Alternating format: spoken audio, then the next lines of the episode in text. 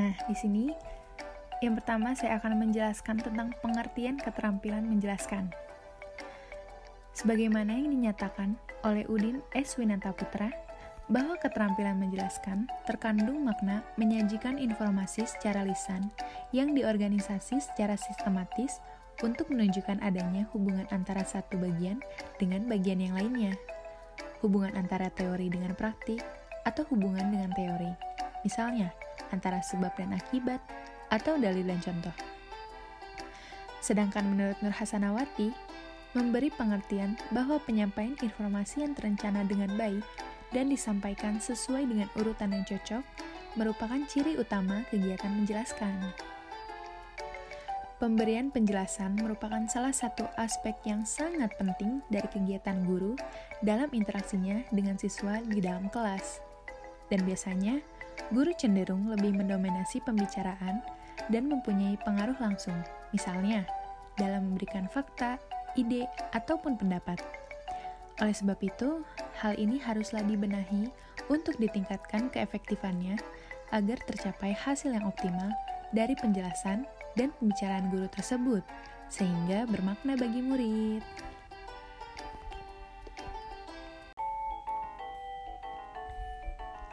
Nah, ada beberapa hal yang perlu diperhatikan oleh guru agar materi pengajaran yang disajikan kepada peserta didiknya mempunyai arti bagi peserta didik. Di antaranya, yang pertama, guru hendaknya berbicara kepada peserta didiknya dengan susunan kata yang sesuai dengan tingkat mereka. Yang kedua, guru menghubungkan topik pelajaran baru dan pengalaman-pengalamannya dengan apa yang telah dicapai oleh anak didiknya.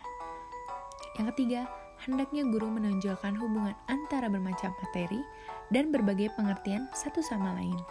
Dan yang terakhir, hendaknya guru menjaga agar menjadikan setiap pelajaran mengandung berbagai pengalaman dan kegiatan yang sesuai dengan bakat dan berbagai kepentingan anak didiknya.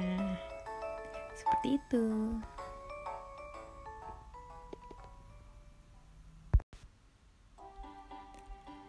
Nah, selanjutnya ada tujuan memberikan penjelasan. Yang pertama, tujuan dari memberikan penjelasan adalah agar guru bisa memperoleh respon atau feedback dari peserta didik tentang penguasaan materi yang telah dijelaskan, sehingga siswa bisa bernalar dengan baik. Yang kedua, mengajari peserta didik agar bisa terus konsisten untuk berpikir dan memperhatikan suatu penjelasan, sehingga materi yang terserap bisa lebih efektif. Yang ketiga, siswa bisa memahami proses berpikir dengan menggunakan fakta yang valid untuk mendapatkan solusi dari masalah. Yang terakhir, mengayomi peserta didik sehingga mereka bisa lebih menguasai mata pelajaran dengan baik.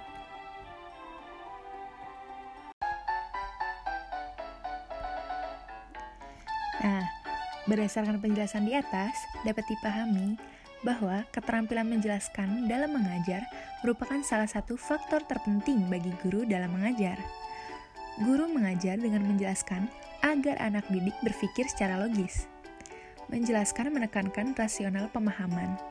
Untuk dapat menjelaskan dengan baik, maka guru harus menguasai isi atau materi bidang studi yang akan diajarkan, serta wawasan yang berhubungan dengan materi itu kemampuan mengemas materi sesuai dengan latar belakang perkembangan dan tujuan pendidikan, serta menyajikan sedemikian rupa dapat merangsang murid untuk menguasai dan mengembangkan materi itu, dan menggunakan kreativitasnya.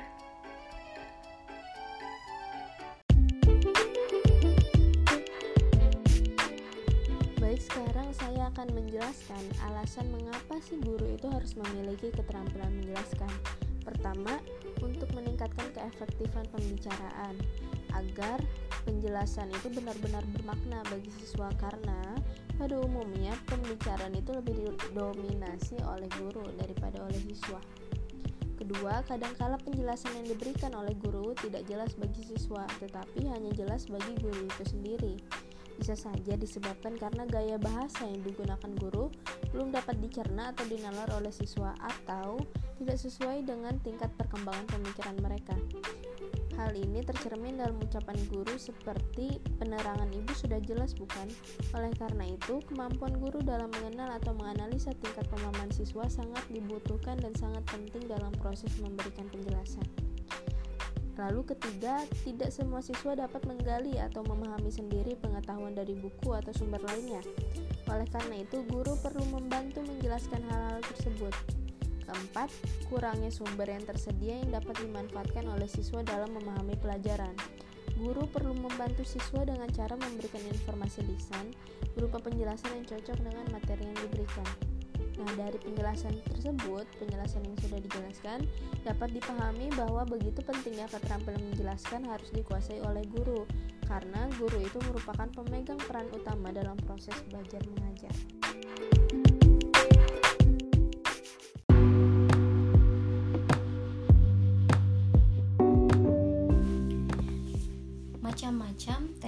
Menjelaskan. Yang pertama ada teknik bertanya. Nah, pertanyaan yang diajukan guru kepada siswa harus cocok dengan materi yang diajarkan. Teknik bertanya ini bertujuan agar siswa bisa fokus dengan materi pelajaran. Secara psikologis, siswa juga bisa mengulang materi yang ditanyakan oleh guru agar suatu saat bisa menjawab dengan baik. Yang kedua, ada teknik penjelasan. Teknik penjelasan ini adalah pendamping dari teknik bertanya. Karena pertanyaan dari guru kadangkala tidak bisa dijawab dengan baik oleh siswa, maka guru harus bisa menambahkannya dengan penjelasan yang sesuai dengan materi. Yang ketiga, ada teknik memberikan contoh. Penguasaan siswa pada suatu materi bisa dikembangkan dengan menggunakan contoh yang sesuai dengan pengalaman siswa di kehidupan nyata. Nah, pemberian contoh ini bisa memudahkan siswa dalam memahami materi secara mendalam dan meluas. Yang selanjutnya ada prinsip-prinsip menjelaskan. Nah, menurut Wardani yang dikutip oleh JJ Hasibuan, menyatakan bahwa prinsip-prinsip menjelaskan yang perlu dipahami di antaranya yaitu yang pertama ada penjelasan dapat diberikan di awal, di tengah, ataupun di akhir pelajaran. Nah, jadi penjelasan dapat diberikan di awal, di tengah, maupun di akhir pelajaran itu katakanlah bahwa penjelasan itu fleksibel, tergantung dari kebutuhannya. Misalnya, kita akan e, mengajarkan pembelajarannya itu metode diskusi. Otomatis sebelum kita mengajarkan metode diskusi, kita itu harus menjelaskan terlebih dahulu materinya itu seperti apa. Setelah kita menjelaskan, lalu diserahkan kepada siswa. Berarti itu contoh penjelasan yang diberikan di awal pelajaran. Kalau misalkan kita pengennya siswa itu praktek terlebih dahulu. Setelah praktek, baru siswa melaporkan apa yang mereka dapatkan dari praktek itu. Lalu gurunya yang menjelaskan atau menyimpulkan. Nah, berarti itu katakanlah ya penjelasan di tengah pelajaran seperti itu. Ya, jadi untuk prinsip yang pertama, penjelasannya itu fleksibel, bisa diberikan di awal, di tengah, maupun di akhir pelajaran, tergantung dari rencana kita dalam melakukan pembelajaran itu sendiri. Kita maunya seperti apa? Nah, apakah mau menjelaskan di awal, di tengah, ataupun di akhir pelajaran? Yang kedua, itu penjelasan dapat diselingi tanya jawab. Jadi, misalnya kita tuh udah menjelaskan nih. Misalnya menjelaskan tentang ekologi. Ekologi merupakan ilmu yang mempelajari tentang interaksi antara organisme dengan lingkungannya. Nah, kita tuh beres tuh menjelaskan satu topik atau subtopik ya. Kita udah tuh menjelaskan topik yang pertama, Nah, sebelum kita melanjutkan ke topik yang kedua, guru bisa bertanya terlebih dahulu kepada siswanya. Coba, ada yang mau ditanyakan atau tidak gitu. Jadi, itu tuh bisa menjadi acuan guru bahwa benar gak sih siswa itu sudah memahami materi yang telah dipelajarinya seperti apa gitu. Lalu yang ketiga ada penjelasan harus relevan dengan tujuan pelajaran. Nah, itu tuh udah pasti ya. Kayak misalkan tujuan pembelajarannya itu belajar tentang pecahan atau bilangan. Otomatis penjelasan yang kita lakukan itu pastinya berhubungan dengan bilangan. Jadi, penjelasan yang harus kita penjelasan ih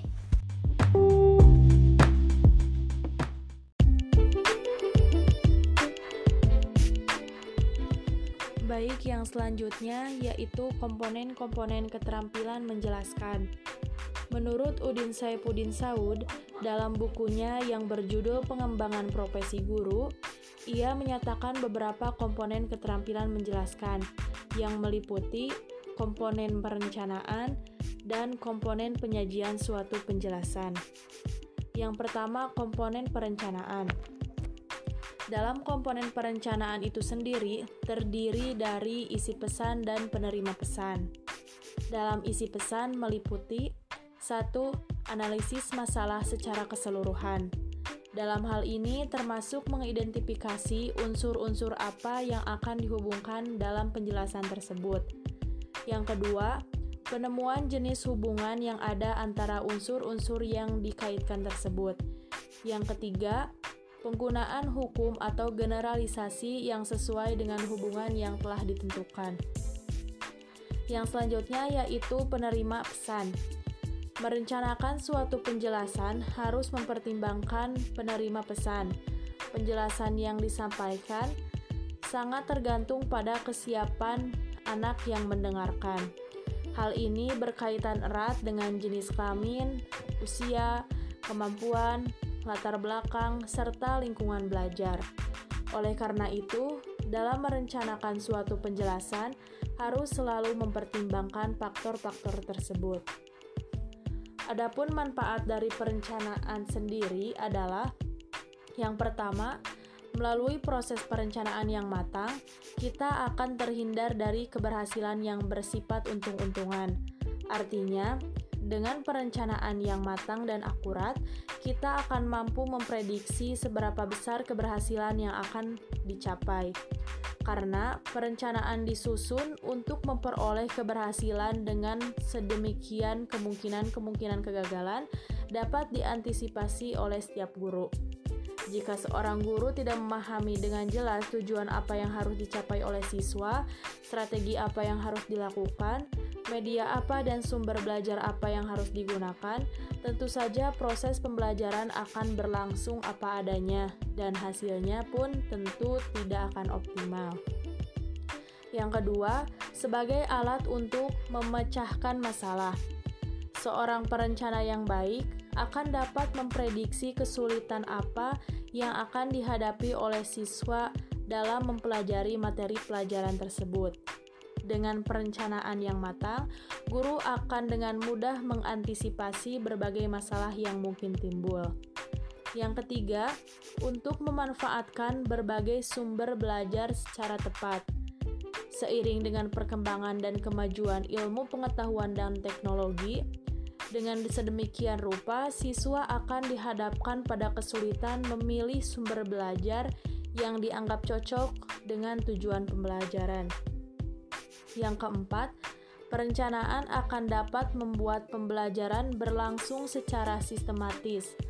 Artinya, proses pembelajaran tidak akan berlangsung seadanya, akan tetapi akan berlangsung secara terarah dan terorganisir. Komponen yang kedua yaitu penyajian suatu penjelasan. Setelah merencanakan penjelasan yang baik, Pelaksanaan atau penyajian diharapkan baik pula, sehingga dimengerti oleh siswa. Penjelasan yang diberikan dapat dipahami sesuai dengan tujuan yang diharapkan.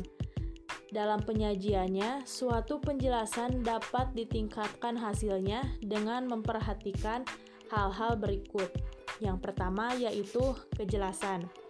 Penjelasan hendaknya diberikan dengan menggunakan bahasa yang mudah dimengerti oleh siswa dan menghindari penggunaan ucapan-ucapan dan istilah-istilah lain yang tidak dapat dimengerti oleh siswa. Yang kedua, Penggunaan contoh dan ilustrasi. Dalam memberikan penjelasan, sebaiknya menggunakan contoh-contoh yang ada hubungannya dengan sesuatu yang dapat ditemui oleh siswa dalam kehidupan sehari-hari. Yang ketiga, pemberian tekanan. Dalam memberikan penjelasan, guru harus mengarahkan perhatian siswa agar terpusat pada masalah pokok dan mengurangi informasi yang tidak penting. Dalam hal ini, guru dapat menggunakan tanda atau isyarat lisan seperti yang terpenting, perhatikan dengan baik konsep-konsep ini. Yang keempat yaitu penggunaan balikan. Guru hendaknya memberikan kesempatan kepada siswa untuk menunjukkan pemahaman, keraguan, atau ketidakmengertiannya ketika penjelasan itu diberikan. Berdasarkan balikan itu, guru perlu melakukan penyesuaian dalam penjelasannya, misalnya kecepatannya, memberi contoh tambahan, atau mengulangi kembali hal-hal yang penting. Hal senada dengan pendapat Saiful Bahri Jamarah yang menyatakan bahwa untuk mengetahui tingkat pemahaman siswa, balikan dapat diperoleh dengan cara memperhatikan tingkah laku siswa, memberikan kesempatan siswa menjawab pertanyaan, dan meminta pendapat siswa apakah penjelasan yang diberikan bisa dimengerti atau tidak. Sebagaimana telah dikemukakan bahwa dalam memberikan penjelasan perlu menggunakan inotasi bahasa sesuai dengan materi yang dijelaskan.